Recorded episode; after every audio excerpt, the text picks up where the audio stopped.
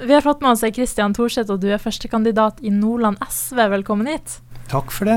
Først så lurte jeg på, hva er dine hjertesaker? Og du, jeg har mange Politikk er egentlig veldig interessant generelt. Men siden jeg er fylkesråd for kultur, eh, klima og miljø, så er det nok der jeg brenner mest for øyeblikket.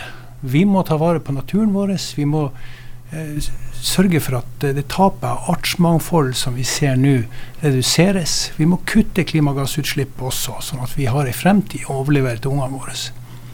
Og så er jeg selvfølgelig opptatt eh, av kultur, og tenker det at kultur er en forutsetning for utvikling av samfunnet vårt. De største utfordringene vi har med rekruttering, det er det at folk ser faktisk ikke hva de skal gjøre på fritida. De kan få jobb her oppe, vi har veldig lav arbeidsledighet. Men hvorfor skulle de bo her? Og Der er det fellesskapsopplevelsene i kultur som er det viktigste. Derfor må vi satse der. Mm. Og Jeg tenkte rett og slett vi skulle gå i gang med å se litt på sakene til Nordland SV og hva dere tenker. Vi kan jo starte litt med kultur, da, siden du nevnte det. Jeg ser jo dere er opptatt av at uh, folk skal kunne få tilrettelagt og få jobb innenfor kultur og sånn, men samtidig at uh, folk skal få et tilbud som er billig for folk å delta. Hvordan går på en måte de hånd i hånd hvis man skal kunne leve av det, men samtidig være billig for de som skal komme og se på? Ja, det henger godt sammen. det. Altså, eh, de offentlige kulturinstitusjonene de har ofte veldig rimelige billetter. Og Fylkeskommunen og kommuner rundt omkring de støtter gjerne disse. Sånn som Nordland Teater, sånn som eh, Arktisk Filharmoni og, og, mange andre som vi har i nord. Eh, sånn at eh, bredden og kvaliteten på tilbudene er viktig, samtidig som det må tilgjengeliggjøres. Men tilgjengeliggjøring det handler ikke bare om pris, det handler også om økonom, eh, geografisk spredning. At man kan eh, faktisk oppleve å få Arktisk Filharmoni eller Nordland Teater på besøk til sin hjemplass. Og sånn har vi det i nord, i motsetning til i sør, der f.eks. filharmoniene er stedbundne og har konserter og opererer ut fra én en enkelt eh, by.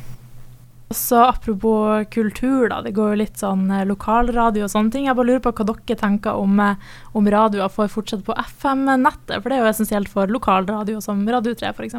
Ja, det har vi faktisk engasjert oss noe i. Og, og vi mener absolutt at det, den eh, bruken bør få fortsette. Det er for det første et demokratisk spørsmål at man har mange medietilbydere. Eh, og ikke bare de som har eh, råd til å gjennomføre ganske kostbare digitaliseringsprosesser. Men også at det skal være en, en variasjon. Det skal være mange eh, radioer som lett kan komme ut på, på eteren. Og da må FN-båndet beholdes og tilgjengeliggjøres til en rimelig penge for de som ønsker å bruke det. Mm. Og i tillegg da, så er dere opptatt av mye lokalt da, og satse lokalt og desentralisere skoler og sånne ting. Men uh, syns ikke dere at folk skal f.eks. kunne velge sjøl hvilken skole de skal på? Hvorfor må det på en måte være innenfor sitt distrikt, da? ja, altså fritt valg innenfor skole, det er litt sånn tveegga, eller litt sånn eh, vanskelig å, å, forstå, egentlig. Fordi at eh, hvis man lar elevene velge sjøl, så man, må man bruke et eller annet slags kriterium for å bestemme hvem som skal få komme inn på skolen, da, hvis det er flere som søker enn de som det er plass til.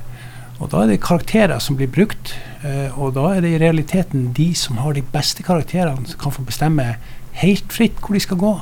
De som har de dårligste, de må ta til takke med de skoleplassene som er igjen til slutt.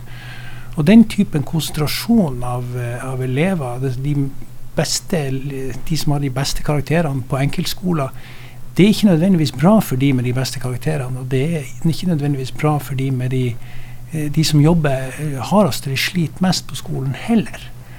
Så øh, vet vi i tillegg det at geografisk tilknytning, det å gå på skole nært heimplassen sin, er kjempeviktig. Både for trivsel og for, for utvikling sånn generelt. Det er også billigere, ikke minst fordi man slipper å bo på hybel. Mm. Så du tenker ikke at de som jobber hardest, bør få best eh, utbytte av det? Vet du, eh, de som jobber hardest og får de beste karakterene, de har nok eh, en del fordeler i utgangspunktet som jeg ikke er sikker på at man trenger å eh, belønne ytterligere i, ved hjelp av sko fritt skolevalg i videregående. De kommer først inn på de linjene de ønsker i høyere utdanning, og får egentlig fordeler av de gode karakterene sine resten av livet. Så vi må jobbe hardere for å løfte eh, alle. Og da må vi starte med de som trenger den, det løftet mest. Fokusere på dem. Mm. Også klima, som du prata om, er også en del av dine hjertesaker. Så dere vil jo også redusere prisene i f.eks.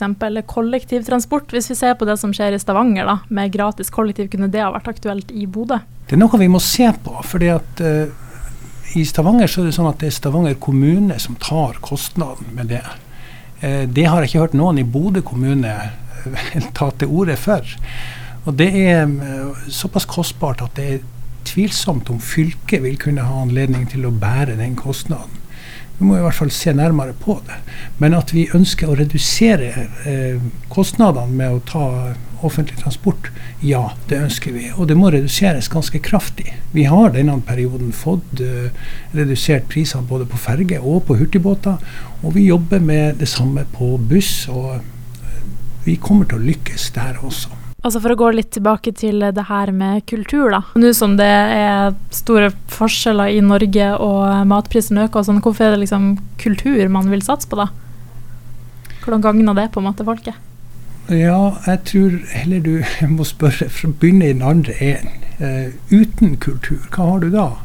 Kultur er fellesskap. Det er opplevelser der vi uh, deler følelser med hverandre. Det skaper tilknytning. Det skaper tilhørighet, og det skaper trygghet. Og uten disse tingene så får du ikke folk til å bosette seg. De flytter vekk. Det vet vi også fordi vi har spurt ungdommen i, i Nordland eh, i fjor sommer. Hva skal til for at du blir værende eller kommer tilbake etter endt utdanning? Og svaret var unisont. Bedre kulturtilbud. I Nordland så vet vi også fra Telemarksforskning sin kulturindeks at vi har den laveste kulturtilfredsheten i landet. Folk er mindre fornøyd med kulturtilbudet i Nordland enn i noen andre fylker.